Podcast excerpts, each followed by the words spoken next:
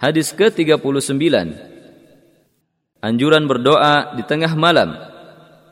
عن جابر رضي الله عنه ان رسول الله صلى الله عليه وسلم قال ان من الليل ساعه لا يوافقها عبد مسلم يسال الله خيرا الا اعطاه اياه Dari Jabir radhiyallahu anhu ia berkata, Rasulullah shallallahu alaihi wasallam bersabda, Sesungguhnya di malam hari ada satu waktu yang tidaklah seorang muslim mendapatinya ketika sedang berdoa kepada Allah memohon kebaikan melainkan Allah memberinya.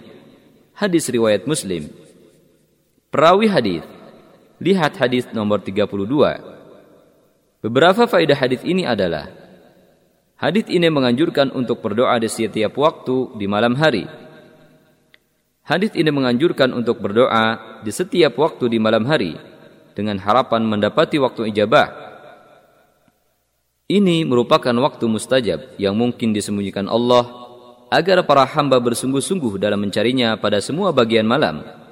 Sebagaimana menyembunyikan waktu mustajab pada hari Jumat agar para hamba bersungguh-sungguh mencarinya pada semua waktu pada hari Jumat.